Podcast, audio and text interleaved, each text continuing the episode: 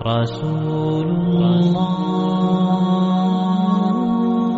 رسول الله طال بي الحنين.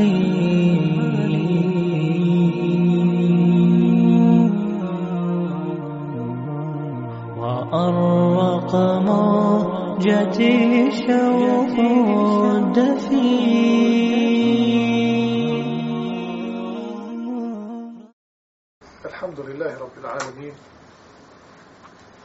وأفضل الصلاة وأتم التسليم على نبينا محمد وعلى آله وصحبه أجمعين. اللهم لك الحمد في الأولى والآخرة ولك الحمد كما ينبغي لجلال وجهك ولعظيم سلطانك. اللهم لك الحمد إذا رضيت ولك الحمد عدد خلقك ورضا نفسك وزينة عرشك ومداد كلماتك. اللهم صل وسلم وبارك على النبي الرحمة وعلى آله وصحبه ومن تبعهم بإحسان إلى يوم الدين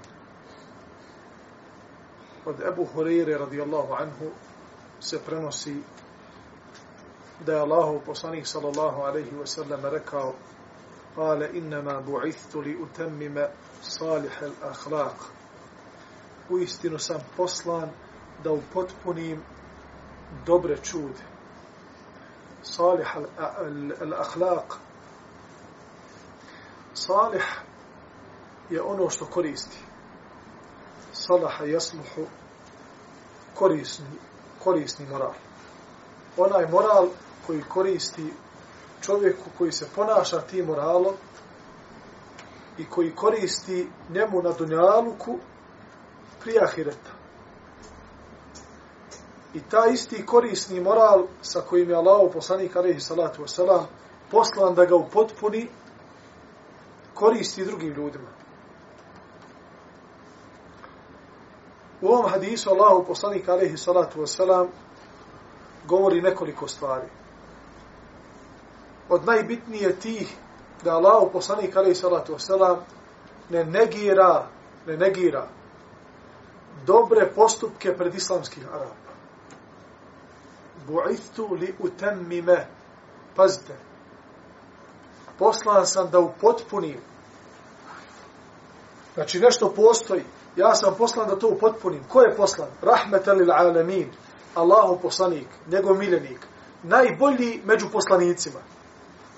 Ne samo ne, među poslanicima, I ne samo da je najbolji među poslanicima, nego najbolji od, najbolje petorice od poslanika. Ne negira dobro ljudi koji su, koji je zatekao u nevjerstvu, braćo moja, u životu na ovome svijetu. Uvijek će biti neko s kim se neće slagati.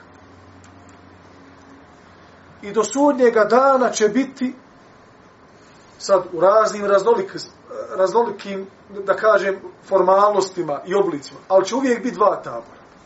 Biće istina i neistine. Uvijek će biti. Allah Želešanu je mudro odredio tako. Da ima i crno i bijelo. Da ima mrak i svjetlo. Da ima zlo i dobro. Lijebluakum ejukum ahsanu amela gospodaru, zašto nisi stvorio samo dobro? Zašto nisi stvorio samo bijelu boju? Zašto nisi stvorio samo dobrotu, moral, fine ljude, moralne, kulturne, istinoljubive? Li je bluakum ejukum ahsan amela. Da vas Allah iskuša svakog ponosom. Ko će biti od vas onaj ko će izabrati pravi put? i ko će krenuti s tim putem i ko će pred Allaha sa boljim djelom doći. Jer da nema da nema ti šubhi i da nema neistine i da nema te borbe, život na ovome svijetu bi promijenio svoju dimenziju. Ne bi bilo ono zbog čega smo mi stvorili, stvoreni, da bi zaradili džennete koje Allah Đalešanohu pripremio onima koji su izdržali. Slobodno se može reći, izdržali na pravom putu. Jer kao što je došlo u poznatom hadisu kod muslima, kada Džibril, alaihissalam, viđa ljepote dženeta. I kaže gospodaru, ima li iko da će čut za ovo što, što si ti pripremio, a da neće ući? Ko će odbiti ovo? Ko će odbiti dvorce od zlata i srebra? Ko će odbiti nive koje mirišu misko? Ko će odbiti vlastite rijeke od meda, vina koji ne opija, od čiste vode, čistog procijeđenog meda i mlijeka? Ko će to da odbije? Zatim Džibril, a.s. uviđa vatru. I kada vidi njegovu, njegu, njenu žestinu, ogromnu snagu, temperaturu, hladnoću, kaže gospodaru, ima li iko da će čut za ovo, a da će ući Pa je Allah Đelešanuhu prekrio džennet nelagodnostima. To jest preprekama na putu da dođeš do dženneta. Iskušenja, razna odricanja. A ovamo po vatri, po džehennemu, strasti. Udovoljavanje duše. Sve ono što se prividno ljudima prikazuje da je to lijepo, da je to napredno. Pa kaže Džibril gospodaru, kad je vidio šta je sve po džennetu od nelagodnosti, kaže gospodar, ima liko da će uču. A kad je vidio vatru, na vatri šta je, pa hoće li biti iko da se može oduprijeti ovo. Pa je Allah Đerlešanuhu dao vjernicima, možemo reći, posebnu snagu, a to je samo snaga imana. Posebnu snagu koja se zove vjera u Allaha Đelešanu i hidajet koje Allah spušta na srca vjernika, da može da kaže, ja idem mojim putem, dobra, sljedeći one koji su me pretekli u dobru, ne obazirući se na ono na što me poziva moja duša, jer je to kratko trajno kratkotrajno. I Allah Đelešanuhu je mudro ostavio trećinu Kur'ana da govori o prošlosti. Prošlo se ne smije zanemarivati. Razmišljanje o prošlosti. Razmišljanje o generacijama koje su minule. To je pouka za one koji su razumom razumu obdareni. Pa utiđi, brate moj, na Mezaristan, pa pogledaj paše i begove. Pogledaj malo i one druge. Pogledaj silnike. Otiđi na grobove najvećih imperatora svijeta. Otiđi malo do Egipta. Ja nisam, boraveć u Egiptu od trilike tri godine, nisam imao vremena, nije me plaho zanimalo da odim na, na piramide. Da vidim gdje su sahranjeni faraoni. Nešto me to nije plaho, onaj, imao sam prečih poslova. I onda igrom slučaja jedan moj ahbab dođe meni u zijaret iz, iz jedne iz evropskih onaj, zemalja i zamoli me da ga ja odvedem Rekao, ne znam nija gdje. Ali dobro, lakše je mene otići jer ja znam arapski jezik. Mi smo sjeli na taksi i otišli smo u piramide. Piramide su grobnice najvećih imperatora u čovečanstva. Nema ništa. 24 sata. Cijel život provedi da osluhneš samo jednu riječ. Ah! Jer oni su vjerovali da će oni vječno ostati. Zato su i pretvarali mumije. Zato su i balzamovali. Zato što su vjerovali da samo na nakit i ono zlato će oni ponovo nekada upotrijebiti. Hoće li francuzi i englezi? Ha? Da je faraon znao ko će mu pokrasti njegovu grobnicu, mrtav bi se okretao u grobu. Neće, brate. Osluhni jednu riječ, ne možeš. Na sudnjemu danu će biti proživljen. Šta je bio? Pustio svoju dušu pustio svoju dušu do maksimuma. Dok nije provrila, ono, skroz se uzoholila. Ono trnje oko nje se toliko, toliko je korova oko nje se onaj stvorilo, toliko se, da je na kraju rekla en rabbukumul a'la. To su najopasnije riječi koje izgovorio čovjek iz Ademove loze. Znači, biće, uopšteno. Ja ne znam ono što mi znamo, što je od, od stvorenja koje su nama poznata, putem objave, putem istorije, putem oni, onaj, ne znam, arheoloških podataka, ona stvorenja koja mi poznajemo, nijedna se nisu sudila da, da, da ovu riječ izgovori. Ja sam vaš vrhovni gospodar. Faraon je to rekao. Gdje si sada, faraone? Živiš, uživaš? Nema ga. Raspuo se. U muzeju ljudi mu se ona ibrete. A ko je dao da mu se ljudi ibrete? Gospodar svjetova. Danas ćemo el jeumenu neđike bi bedenike li tekune li men halfeke aje. Uzvišeni kaže u Kur'anu, danas ćemo spasiti tvoje tijelo. Duša je otišla. I jutrom večer se prži. I jutrom i večeri se prži kao što Kur'an kaže. I to je kur'anski ajet koji je dovoljan dokaz da se u kaboru ljudi kažnjavaju i nagrađivaju. Pa Allah kaže da se faraon i njegova vojska koja je utopljena i jutrom i večerju prije džehennema, prije sudnjega dana da se kažnjavaju u, kabursku, u kaboru. Na onaj način kako Allah Đelešanovu hoće u svijetu Berzeha. A svijet Berzeha je drugačiji svijet nego svijet ovog materijalnog svijeta. Znači, ne možeš ti otići tamo osluhnuti pa da čuješ neko onaj, to je drugi jedan svijet. Berzeh. Najlakše se može shvatiti po našem ograničenom umu kao san. Ti u snu tebe izaboli, bodu te, ti si pobio pola mahale, naki zombi na liječu, ovo ono, ubi, ubijaš ti, čuje se meci, frkte. Pored tebe spava tvoja supruga, možda neko stoji iznad tvoje glave, gleda, ti si zatvorio oči, ne mrdaš se ko mala beba, a kod tebe ovamo rusvaj živi u glavi. I ti ustaješ sam mokar. Šta je bilo? Ma kaže, horor. Kakav horor, ništa se nije vidjelo. E, od prilike znači da bi približili malo svome razumu, da možemo razmisliti. To je jedan skroz drugi svijet u, ko, u koji nema sumnje. Allah kaže u Koranu, danas ćemo tvoje tijelo izbaviti. Izaće na površu, neće se potopiti. Iako se on dovoljno pijeska naguto, zato što mu je Džibril stavljao pijesak u usta i vode da potone. Ali Allah dao da njegovo tijelo ispliva, kaže Allah Đelešanu, da bi bio dovoljan dokaz onima koji dolaze posle tebe. Pa imate naučnika, danas primili su islam preko, preko faraona.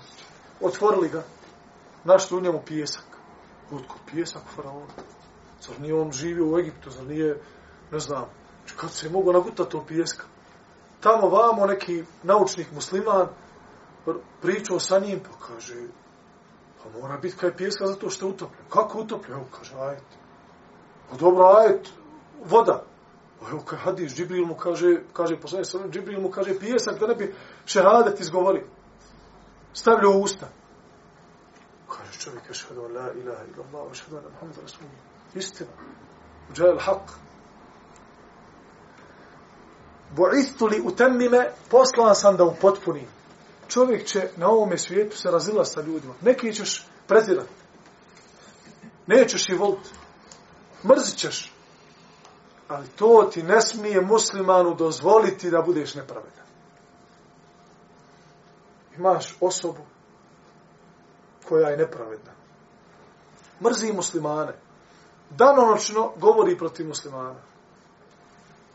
Ali ima, na primjer, jednu odliku ti tu odliku moraš istaći ako se traži od tebe da istakneš. Ne smiješ biti nepravedan. Ako je tako, tako je. Ako je ta osoba držljiva, ne može ona biti škrta samo zato što je ti ne voliš ili zato što on, ne znam, nije, nije muslima. Nego je ta osoba držljiva i pored toga. Tako da u svakom slučaju Islam poziva na pravdu u svakom smislu. Pa je Allah poslanik, ali salatu wasalam, pravedno spominje te, te lijepe čudi kod Arapa koji nisu bili muslimani, koji su čak, znači, kao mnogo božci, činili, činili najveći grije prema Allahu Đalešanu, prepisivali su mu druga. Zatim Aisha radijallahu anha u narednom e, hadisu govori o Allahovom poslaniku, ali i salatu selam, u kontekstu njegovog razumijevanja vjere. قالت ما خير رسول الله صلى الله عليه وسلم بين أمرين إلا اختار أيسرهما ما لم يكن إثما nikada Allah poslanik sallallahu alejhi ve selleme nije mogao da izabere između dvije stvari, a da nije izabrao lakšu. Sem ako bi bio grijeh u pitanju. Nikada Allah, poslanik sallallahu alaihi wasallam, nije htio da oteža ljudima. Ako ima opciju drugu, da im olakša, olakšavao bi. Pa, na primjer, čovjeku je dozvoljeno da posti put, onaj, u prilikom putovanja.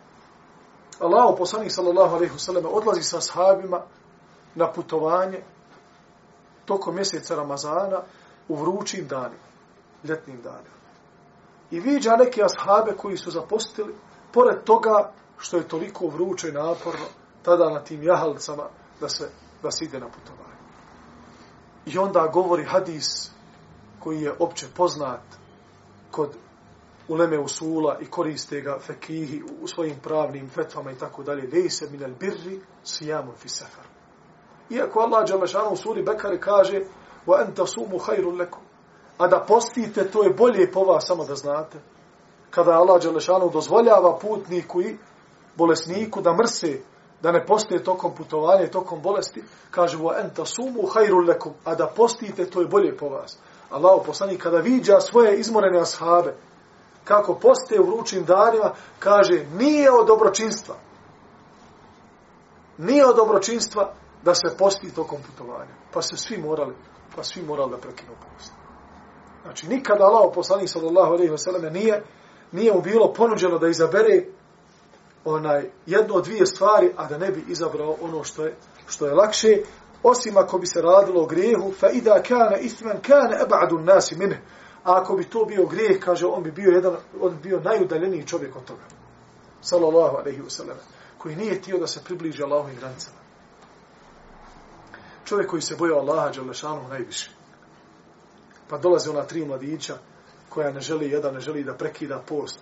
Kaže, ja ću post cijelu godinu. Drugi kaže, ja ću po cijelu noć, od jacije do saba, klanjati noći namaz. Treći kaže, ja se nikad ženiti neću. Pa Allah, poslanik sallallahu alaihi sallam, zove ih sebi da ih poduči. Kaže, ja sam najbogobojazniji. Ali, kaže, postim, a ima dana kad ne postim. Klanjam, kaže, noću, ali spavam. I ja se ženim. Iako ti momci su vidno bili u većem, htjeli da budu većem ibadetu od, od Allahov poslanika, sallallahu alaihi sallam, u određenim segmentima da se više žrtvuju ovako kako mi to vidimo svojim očima. Ali Allahov poslanik sallallahu alaihi sallam, hoće da im kaže, nije to vrlina bogobojaznosti. Jer ovo kad čitate života ashaba i života tabina, vidjet ćete neusporedive vidne promjene. Da se tabijini više posvećivali ibadetu od ashaba. Da su više ibadetili. Znači, kada sračunamo matematički, više su postali na file, duže su ostali noći na namazu, više su, više su znači, posvećivali pažnju e, završavanju hatmi i učenju Kur'ana, da, na primjer, Ebu Bekr, tamo se spominje da je deset godina učio suru Bekr na pamet. A ovamo jedan tabin kaže se da je za jednu noć znao po četiri hatme završiti. Jedna noć četiri hatme. Nije malo. A drugi tabin tamo kaže 12.000 hatmi samo jednom čošku svoje kuće pa poručuje svome sinu Ibrahimu, kaže, sine Ibrahime, nemoj da bi, kaže, griješio prema Allahu u ovoj sobi. Tvoje babu u ovoj sobi proučio 12.000 hatmi. Ali Allahu, poslanik sallallahu alaihi sallam, kaže, najbolji ljudi su ovi koji su ko mene. Thumme ladine jelunem. Zatim oni koji dolaze i postane. A u poznatoj predaji kada se spominje Ebu Bekr radijallahu anhu i njegov iman koji je veći od imana svih ljudi do sudnjega dana mimo poslanika. Pa kaže sallallahu alejhi ve selleme kada bi se stavio iman Ebu Bekra na jedan tas, ima ljudi na drugi tas do sudnjega dana prevagnu ima nebu Bekra. Nikada posumnio nije. Nikada. I zato Omer radijallahu anhu kaže kada se jednom posvađali dobro, Pa dođe Ebu Bekr, tužan poslaniku i kaže mu, Omer se ogriješio u meni. Pa kada lao poslanik sallallahu alaihi wa sallam, zove Omera i kaže, ostavite mi moga prijatelja. Nikada ga više Omer nije htio da prozove ni zašto i onda se pokaju i kaže, dolazi Ebu Bekru, traži halala od njega i kaže, ti si pojurao u njega kad smo svi sumnjali. Jedini Ebu Bekr se pamti da kada je poslanik sallallahu alejhi ve selleme došao i rekao ja sam poslanik, jedini Ebu Bekr je rekao amen. Odmah. Ništa nije pitao. Svi su postavljali pod pitanja. Jedini Ebu Bekr dolazi, kaže mu poslanik sallallahu alejhi ve selleme, Allah me je poslo, ja sam njegov poslanik, kaže vjerujem.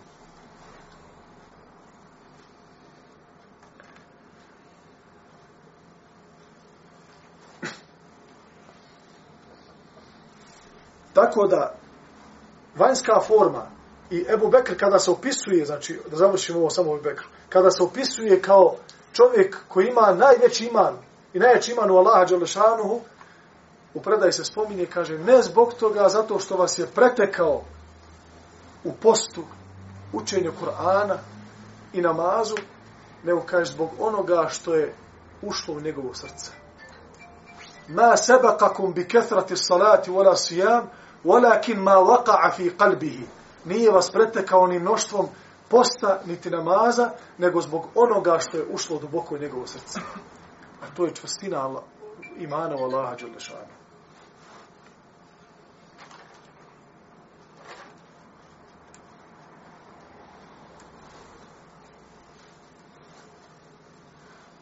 ومن تقم رسول الله صلى الله عليه وسلم لنفسه إلا أن تنتهك حرمة الله تعالى فينتقم لله عز وجل بها nikada se nije svijetio radi sebe.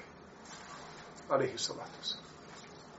Nikada nije upamćeno da je nekome rekao pola riječi zato što je njega lično uvijedio. Već samo radi Allaha kako, kada bi se oskrnavile njegove subhanahu wa ta'ala svetiti. I ovo, bez imalo sumnje, govori o, o tome da je Allah poslanik sallallahu alaihi wa sallam bio najveća ličnost u historiji čovečanstva koji je svoj život i svoju smrt i svoju mladost i svoje zadnje trenutke života i ono što je između bilo dao Allahu Đelešanu. Nije ga zanimalo ono što ljudi govore o njemu. Njega je samo zanimalo kako da do ljudi dođe istina. I zato ga Allah Đelešanu opisuje u Kur'anu da je on onaj koji ljude vadi iz tmina na svjetlo. Često, često ćete vidjeti da ljudi zbog svog hatora i zbog svojih ličnih interesa su spremni da ponekada pogaze vrhovne ciljeve i hrađu nas imena volumati ili nur. Izvođenje ljudi iz tmina i zablude na svjetlo, taj princip da pogaze samo radi svog ličnog interesa. Zato što je njega neko uvrijedio, zato što je njemu neko nažao nešto učinio i on odustaje od ovog vrhovnog cilja radi svog ličnog interesa. Vjernik to sebi ne smije dozvoliti. Vjernik je iznad toga. Vjernik treba sam sa sobom da riješi da je kao što kaže Allah Đelešanu inna salati wa nusuki wa mahjaje wa memati lillahi rabbil alamin. Moj namaz i moje žrtvovanje i moj život i moja smrt pripadaju Allahu Đelešanu. Nikome više. Pa što onaj kaže, kada je otišao da traži za džamiju, pa je našao na jednog oholog čovjeka, Allah zna kakav je taj čovjek imao, kakve imao prilike, neprilike sa raznim ljudima. A znate, pogotovo ljudi koji su bogati, koji su parama. Oni često imaju loša iskustva, izvarani su i onda kad mu dođe najveća poštenjačina, on ga gleda ispod oka. Upravo zbog prijašnjih iskustva. I dolazi im ovaj čovjek sa Sergijom, s namjerom da se napravi džamija u, u tom kvartu. Kaže, brate, kuca na vrata, otvori ovaj salam, alik, alikum, salam, brate, kaže onaj, došao sam da te pitam da daš nešto za džamiju. I ispruži ovako ruku. Pa mu je ovaj pljunuo u ruku rekao, eto ti za džamiju. Sad ste više došli da tražite? Ovaj brat Mumin, kad mu ovaj pljunuo u ruku, obrisa ovako od sebe, kaže, ovo je za mene. E, haj sad daj, kaže za Allaha. To je, pazite, pogledajte scenarije. Znači, svakako je mogla da se odigra ova situacija. Međutim, ovaj vjernik je bio iznad. Ima cilj. Allahova kuća se gradi u kvartu. Ne treba nam problema. Ne treba nam dodatni oscilacije. Ne treba nam ništa. Treba, ja imam cilj. Hoću da ga ostvarim.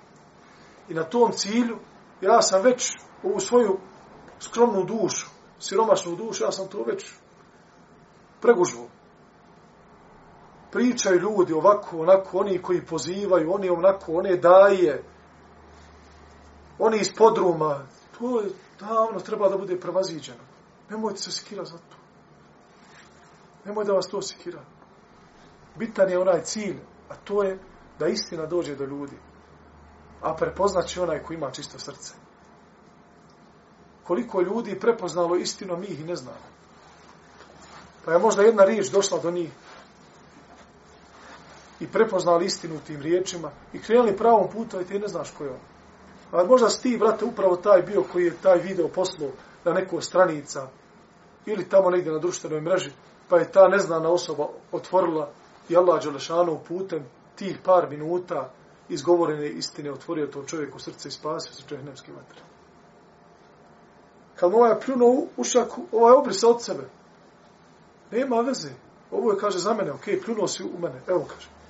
Da ne bude da se samo našaku. Evo da malo kaže od sebe. E, kaj daj, sad šta za Allah? Ovaj se čovjek skamenio. Kaže, tako mi Allaha, tako mi Allaha, neće smjet sa mnom niko da se, znači, da uloži metak mimo mog metka u tu džamiju koju ćete praviti. Sišu odmah uzeo ga za ruku, kaže, je džamija? Ja je pravim, kaže, od temelja do, do, do kraja munare. Ta isti čovjek koji je pljunuo. Sekunda. Ha? U Allahovim, u Allahovim rukama su ljudska srca. Ali, sabru inda sadmetil ula. Sabur je kod prvog udarca. Tu ste, stegnut. Ljudi dođu sa raznim, sa raznim, znači, devijacijama. Treba to prepoznat, upit, pa onda poslat od sebe signal. Znate, svako daje svoj signal. U Israelijatima je spomenuto da Isa, ali selam, jednom hodio sa svojim havarionima pored skupine židova. A vi znate šta židovi misle o Isa? Židovi ga nisu prihvatili. On je poslan svome narodu, Beno Israelčanima, židovima. Znači, kršćani i židovi u osnovi su iz jednog korijena, kad pogledaš vjerski. Jer stari Tevrat, Musa, ali salam, židovi su ga slijedili, kao Beno Israelčani. Pa Allah Đelešanuhu šalje Isa, ali salama, jednog od njih. Da ispravi ono što je izopačeno od Tevrata, da im olakša neke stvari koje Allah Đelešanuhu u starom zavjetu, u Tevratu, objavio kao težak propis. Zato što su židovi nadili. Pa Allah Đelešanu im otežao. Pa Allah Đelešanu i svoje neizmjerne milosti ipak prema, svoj, prema svojim robovima spustio Inđil i Sao, ale i i poslao ga kao poslanika da olakša ljudima. Pa Oni ga nisu priznali. Kaže, kako će doći onaj, kako će se rod, kaže, dijete bez oca. Koristili se logikom a nisu se koristili imanom u Allaha Đelešanu. Jer on progovorio u kolijevci. Ali pazite, mi sada muslimani čvrsto vjerujemo u tu mođizu. Mi smo ubježeni u nju, mi nemamo problema sad. Ali nije bilo jednostavno tada. Tada je vjerovao u Isa alaih salama i tu muadžizu samo iskren vjernik. Ko nije bio iskren vjernik u Allaha, nije vjerovao. Sami zamislite sada da dođe neko, eto, iz ove mahale, neka žena i kaže, porodi se, nije udata. Odakle ti bi beba? Kao Allah tako dao, kaže, ja nicam, niti mene kakav kaj muškarac svako dirao, sam ja kaj koga dirila. Ni u haustorka, ni u, ni u tunelu, ni u maniđe. Svako bi rekao, aj sad. Čuj, niko te nije. Pa kako si dobila dijete? Kao da Allaha. Daj dokaz. E. Ovdje ću se malo zadržati. Zato što smatram da tu ima jedna pouka za nas muslimane danas. Isa alaih selam rođen bez oca. Čitajte suru Merijem. Sura Merijem na jedan specifičan, najljepši način govori o tom, o tom momentu. O toj mođize. Kako je ona zanijela njega. Kako je se porodila. I kako je došla svome narodu. I kako je nije narod dočekao. Šta su rekli? I kako je Isa alaih selam izgovorio prve riječi uz dok je u kolijevki. Ali sura Merijem ne počinje sa tim slučajem. Ko je čitao suru Merijem i učio suru Merijem, vidjet će da sura Merijem ne počinje, iako je sura posvećena i njeno ime nosi majici, Merijem je majici Isa alaih salam. Ali počinje sa Zakerijom. E, dobro, sad, kakve veze ima slučaj Zekerije sa slučajem, sa slučajem, sa slučajem Isa alaih salam? Ima sa strane da je Allah Đalešanu dao Zekeriji njegovoj nerotkini Hanumi u kasnim godinama, 90. godinama života dao im prvo dijete.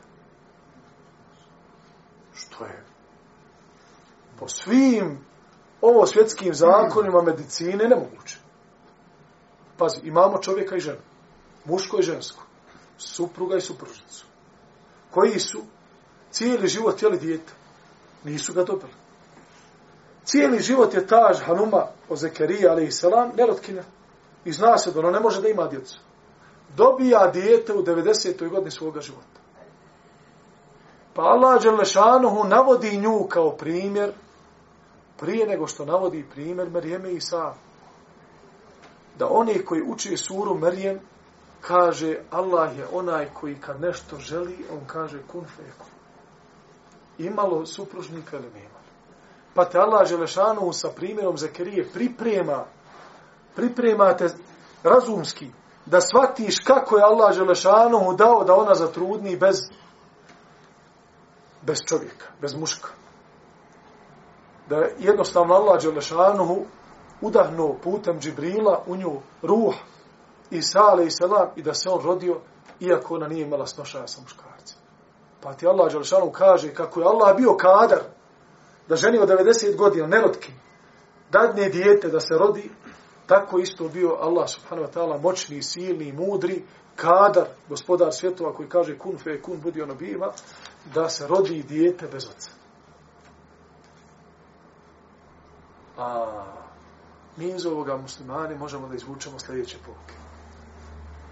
A to je da kad hoćeš nekome nešto da kažeš što je krupno, što smatraš da možda njegov razum to neće možda podnesi, treba, vrate, da ga pripremiš. Treba da ga pripremiš za to, a ne s neba u rebra. I onda ljudi ponekada ne žele ili ne mogu da prihvate istinu ili dio istine koju ti njemu izlažeš. Ne zbog toga što ono će to da negira, ili što on lošeg srca, ili što on ne vjeri u Allah, nego on ne može to da primi, da absorbuje svojim razumom. Kako to? Pa onda, kad Allah, Đalešano, gospodar svjetova, koji se ne pita šta radi, objavljuje knjigu, pa postepeno s ljudima postupa, pa ih priprema za primjere koji im navodi da shvate, da prihvate, Jer cilj Kur'ana je da ga ljudi prihvate, nije cilj Kur'ana da ljudi bježe od njega. I da ga ne razume. Ola kad jesarna al-Qur'ana li zikri, fe hel min mudekir, kaže Allah, mi smo olakšali Kur'an. Da se uči, da se razumije. Ima li onih koji će, koji će ga učiti? A šta je onda s nas, sitnih, sićušnih robova, griješnih, da mi ljude ne pripremamo? Znači, mi smo, ona, da kažem, toliko smo dosegli nekakve deređe koji ne postoje. One su imaginarne, one su u našim glavama ponekada čudne. Ne znam odakle su, nisu ni definisane. Možda nema ni definicije za takve onaj poglede. Kaže ti, bitno je ti kažeš istinu. Ti to kaže, reci. On ako ne prihvati, kaže, tu je problem sa njim. Bitno je da si ti dostavi. Nije istina, tako mi je Allah. Evo, otvorit ćemo samo Kur'an, pa ćemo, pa ćemo naći na desetine dokaza, nije tako. Da ti, samo je bitno da ti kažeš što je istina, a kome govoriš, kome se obraćaš, mo kaže, nije to ono uopšte bitno. Kako nije bitno, Allah se smilo.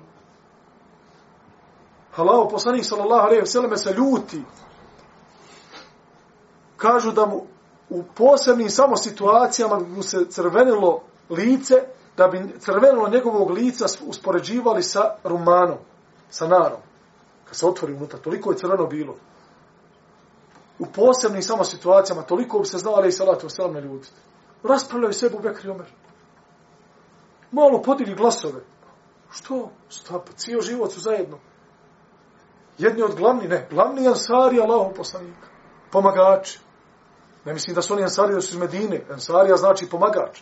Znači, kad god se spominje Allahov poslanik izlazi, Ebu Bekri Omer. Allahov poslanik dolazi, Ebu Bekri Omer. Šta fali da nekad podinu glasove da se u nekim ključnim situacijama raspravljaju da bi došlo do, do cilja. Allaho poslanik se crveni, ljuti se na njih. I kaže, malo je, malo je falo da niste upropašteni. To je zbog toga što ste podigli svoj glas pred znači poslanikom da Allah nije uništio vaša onaj dobra djela. Svako ja ste radili. Od onog momenta kad ste primili islam do dana danas. Kako? Kako? To ja... Znate kako? Zato što su Ebu Bekri Omer dobili odgoj Allaho poslanika koji niko nije dobio. Pa kad Ebu Bekri Omer malo dignu glas pred Allahovim poslanikom, to je kod je neko ovamo na drugoj strani ubio čovjeka. Koji ne zna ni neodgojen. A na drugoj strani dolazi Beduin, raskalašen, šir, širok ruka, op, fiziološka potreba, okre, okreće se samo u mešćidu i upo mešćida. Čo je amo na batina tovoga, nisam kao da vas istres. Hvala Allah, kaj je posla jedno. Ubi, skoči na sahabi. Kaže, poslanik, mehlen. Lako, kaže, sjedi, sjedi, sjedi. Smiri. Dovete ga ovam. Sjeti tu. Kaže, lavor vode, kantu vode, delu, i streste na to mjesto. I zatrpate to mjesto. Jer nije bilo pločnika, nije bilo hasura. Bila je zemlja, pijesak. Prolite na to, jer će voda mokraću, znači ono što je nečisto, odvuću dubinu zemlje, vi malo to potkopajte da ne bude baš onaj, da se ne čuje smrad mokrači, a ti dođe ovam i blago za njim, s osmijom. Znači, nije isto. Čekaj, za nije Allah, poslanik sa selem, opet se trebao za crven. Jer se radilo o jednom grusnom dijelu, bola. Mokraća, pa zamislite sada da nama dođe bilo ko u jedno naših džamija. I da, da ti za sebe u safu čuješ kako pada onaj mokraća po tepihu mešćina. Pa ja mislim da bi se u sviju i brade i, i, i, i kose naježile. To ovako bilo. Zar ne bi? Čak u jednom rivajetu se spominje koji je vjerodostojan, kaže, ostavite ga završi. Ne prekida, La takta'u alejhi l-beul. Ovako ide hadis. Kaže, nemojte mu prekidat njegovu mokraću. Nek završi čovjek, nek se izmokri. I sad on, ashabi čekaju da on završi. Ne, hoću da vam to približim, da vam kažem, ne možeš sa svakim isto. Ne možeš sa svakim isto. I ne možeš sa, na svakome isto istinu predstaviti. I ne možeš svakome sve ovako otvoriti. Reći, evo ti, brate moj, od početka do kraja. Kaj je moj? Je moguće? Kaže, moguće. E, Boga mi ja ovo ne mogu kada skontam. Ma kakav, kaj, nema od tebe ništa. Nema od tebe ništa, brate. Koji si mu to predstavio tako. Nego polako. Pa mekanski period pun imana, pun sudnjeg dana, pun historije, a medijski period pun propisa. Zašto, braću moja? Jeste se pitali? Usadi ljudima čvrst iman u Allaha, Đelešan, njihova srca. Onda im daje ono što od Allaha prihvaće s osmijom, sa zadovoljstvom. Od Abdullaha se prenosi da je rekao. Kaže, Allah vam je podijelio ahlak. Ko na faku. Ahlak je ko na faka. podjednako daje, kaže, kema kaseme bejnekum arzakakum, isto što vam je podijelio na faku, tako je podijelio ljudima čude. Wa inna Allahe ta'ala ju'ti male men ahabbe wa men la. Ovo, ko shvati, riješit će 90% dileme u, svom, u svojoj glavi. Allah daje metak kome, i koga voli i koga ne voli, braću moje. I koga voli i koga ne voli. I ako ti Allah nekad uzme, nemoj misliti da te tada ne voli. Jer ne smijemo razmišljati o Allahu Đalešanuhu kao što razmišljamo o ljudima. Babo kad hoće da kazni sina, šta mu kaže? Nema džeparca, nema mobitela, nema igrica, nema s rajom napolje, sjedi u kuću. Je tako? Kad hoće da ga nagradi, šta mu radi? Kupi mu dobru hediju, dadne mu nešto od, od materijalnog. I sin radostan skače dva sata i onda ostavi ono, igrača. A to je, to nikad ne mogu razumjeti. Pa ne, nisam ja istučan od toga, ja sam tako radio kod djete, a ne mogu to da razumijem kako to ide Dobro, malim godinama ovim kraćim, do sedme godine mogu razumjeti, preko sedme godine ne mogu igra se dva sata, samo ostaje kod da nikad to nije bila prije toga, happy, znači igman mu nije rada. Toliko mu je srce. Do sedme godine psihologija kaže da dijete e, prilazi igračkama kako bi ih izučio. Znači, ne prilazi igračke kao igračci, nego prilazi igračci kao novom, novom biću, novom nečemu što on treba da istraži, da sve vidi, zato neka djeca hoće da čupaju one gume ovo, da zaviri šta ima unutra. I onda se podjednako igraju sa, sa, sa igrom, i sa autićem, i sa možda tvojim mobitelom, a i sa nekim opasnim stvarima, ako ti dopustiš to da ono uđu u koji unutra. E dobro sada. A Allah Želešanu ne postupa sa svojim robovima tako. Pa ako će da ga kazni, uzmimo. Ne. Ako će da ga nagradi, dam. To nije tako kod Allaha Đelešanu. A ljudi neka zapadnu vjernik, vjernik, dobar vjernik, ali ovo mu promakne, s vremena na vrijeme. I onda kada nema, kada je u škripcu, kada je stavila, šta li je bilo? Nije ništa, brat. Nije ništa, saburaj. Osaburi, zahvali se svom gospodaru, strpi se i očekuj za to nagradu. Allah mu dadne, otvori mu se. E, kaj je sad je? I onda ga vidiš da se opusti, vrat. A znaš što je se opustio? preko tog što mu Allah Đelešanu otvorio dunjaluk, smatra da ga Allah Đelešanu koliko god mu otvara, više da ga sve više voli. Pa se opušta u dobrim dijelima, jer kaže, zaradio sam. Poput djeteta, te vidiš, on uradi nešto kako treba i ti ga počneš nagrađivati. Prođe dva dana, kaže, šta bi sin? Što? Pa kaže, pa nije ti babo dao da prestaneš biti dobar. Ko ima veću djecu, zna kako to ide dijete se počelo da opušta. Presto da bude onakav kakav je bio zbog čega si ga ti nagradio. Presto manje da, manje da uči što? Kaže, ja sam završen ispit uradio onog dana kada sam nagrađen. E takav je insan su hvala. Ali čovjek ne smije tako da razmišlja o svome gospodaru. Allah daje metak i onome koga voli i onome koga ne voli. وَلَا يُعْتِ الْإِمَانَ illa مَنْ أَحَبْ Ali Allah ne daje iman osim onome koga voli. Pa kada sretneš brata muslimana u džami, znaj da ga Allah voli.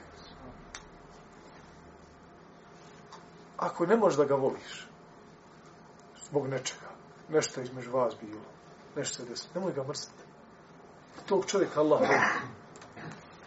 Allah Đelešanu, čim mu je dao iman njegova prsa, čim vjeruju Allah Đelešanu, to je rob koga gospodar svjetova voli. Ne moraš se ti druž sa njim. Moraš mu biti prisni jaran. Ne moj ga mrziti. Jer to, to je mumin, bogat. To je vjernik. Mi nećemo ni za koga upiriti prstom i reći on je vjernik. 100%. Jer to je titula. Kad kažeš ne za nekoga, on je vjernik. Ti si mu dao titul ulaska u džene. A mi ne znamo ko će ući u džene. Kao što je došlo u svim knjigama Akajda ili Sunnata ol džemata da vjernici ni za koga ne kažu da je stanovnika dženneta osim za ono što je došla objava iz Kur'ana i sunneta i ni za koga ne kažu da je stanovnika vatre osim za onoga ko za koga je došla objava. Ne možeš niko koga, ni, ni za koga tvrti ni jedno ni, ni drugo.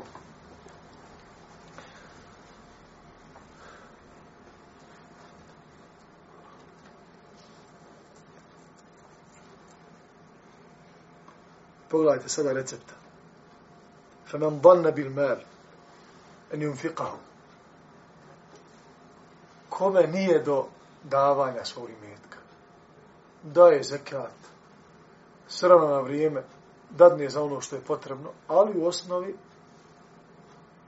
ne dajem se. Nije, nije lahke ruke. وَحَافَ الْعَدُوَ أَنْ يُجَاهِدَهُ I onda kada borba na lavom putu nije fard ajn, znači napada se tvoj ognjište,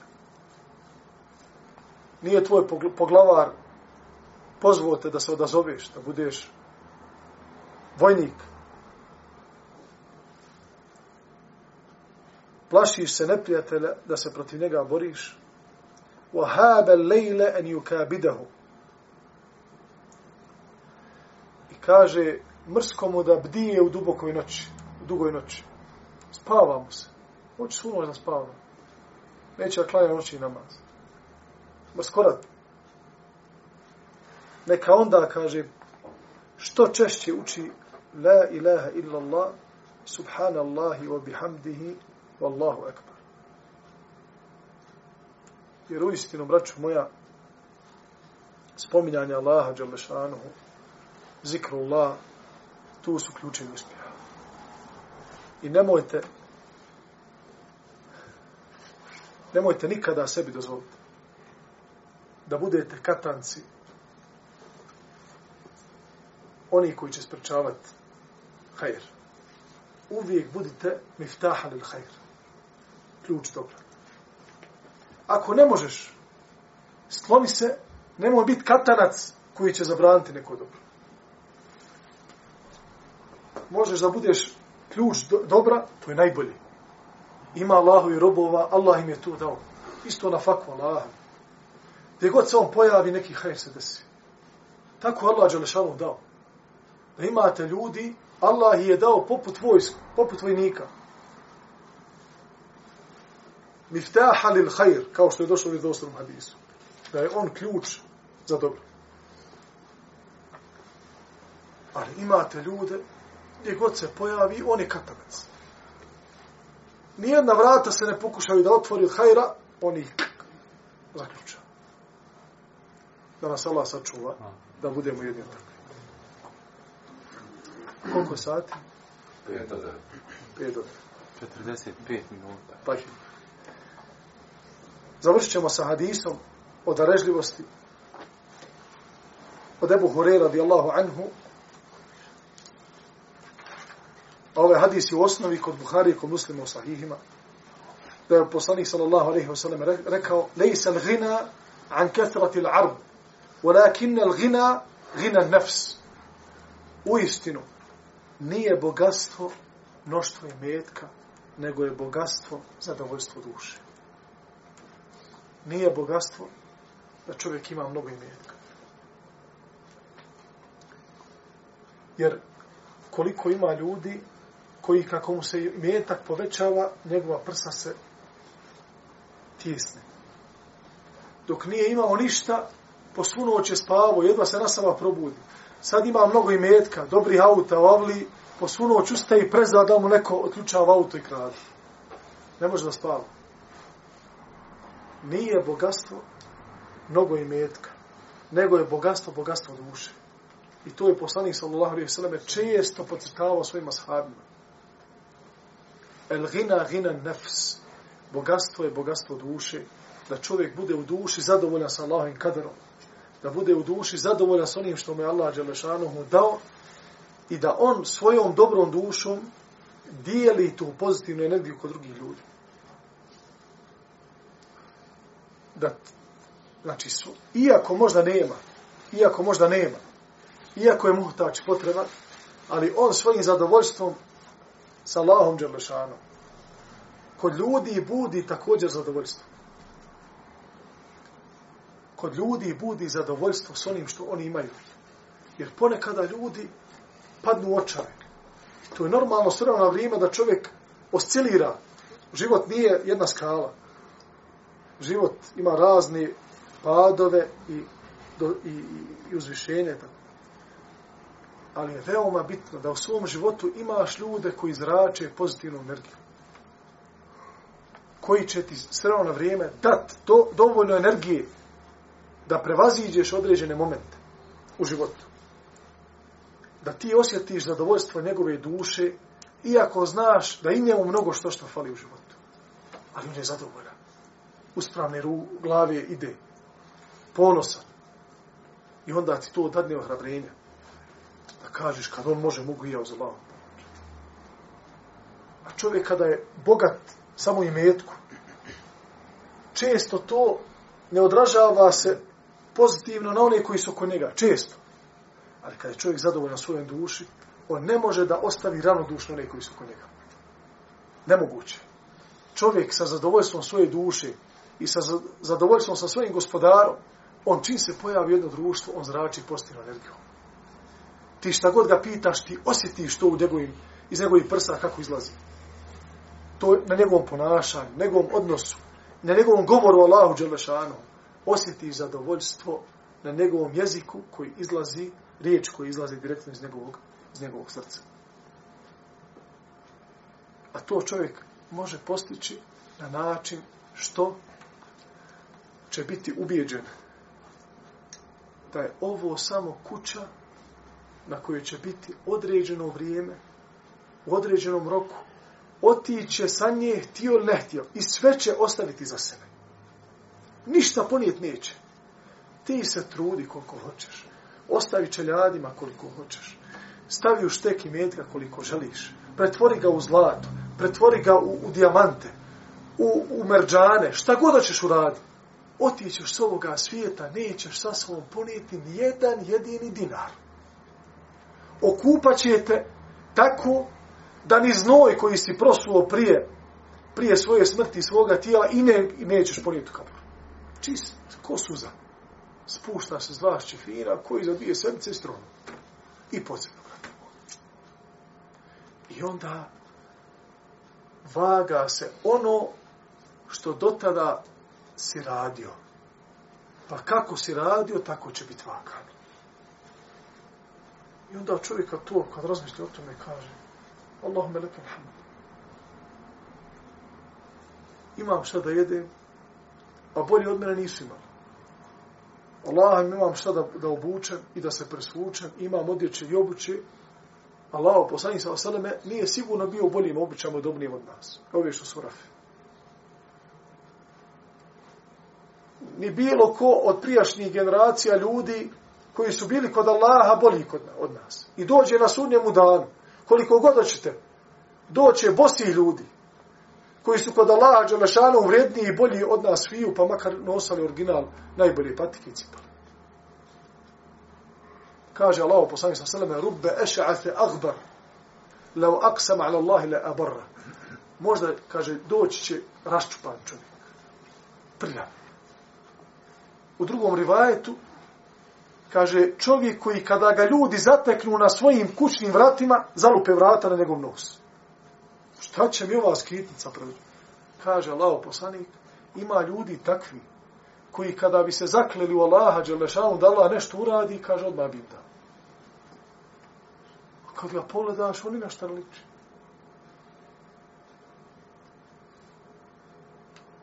Pa je Allah Đelešanu dao nam sve ove blagodate. I učinio nas muslimanima. I dao nam i od imetka. I počastio nas. I čovjek pored toga da bude nezadovoljan. Allah mi onda je to, to je onda siromaštvo u duši, koje se inša Allah može obogatiti, ali samo na ovakav način razmišljanja, od ljavu. Takmičit se s onima koji su pored tebe u bogatstvu, nećeš nikad stići. Ti one multimilijardere ne možeš stići. Pa ovaj, kaže, jednoga sad je bio so, na ovom ostru, pa su otišli na ovom ostru. Ti kad bi ganju ta ostrva, imaš samo u Finskoj koliko imaš ostrva. Ne mogu bi za pola svog života. Kamo. Ono. Molim Allaha Đalešanuhu da nam se smiluje